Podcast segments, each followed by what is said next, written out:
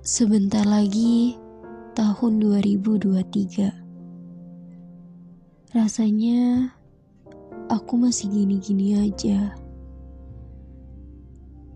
Masih kayak sebelumnya. Gak punya apa-apa. Lihat orang lain. Kok keren banget ya? Gak ada kurangnya sempurna banget hidupnya. Ya memang, kehidupan memang gak bisa disamaratakan. Setiap manusia punya kehidupannya masing-masing.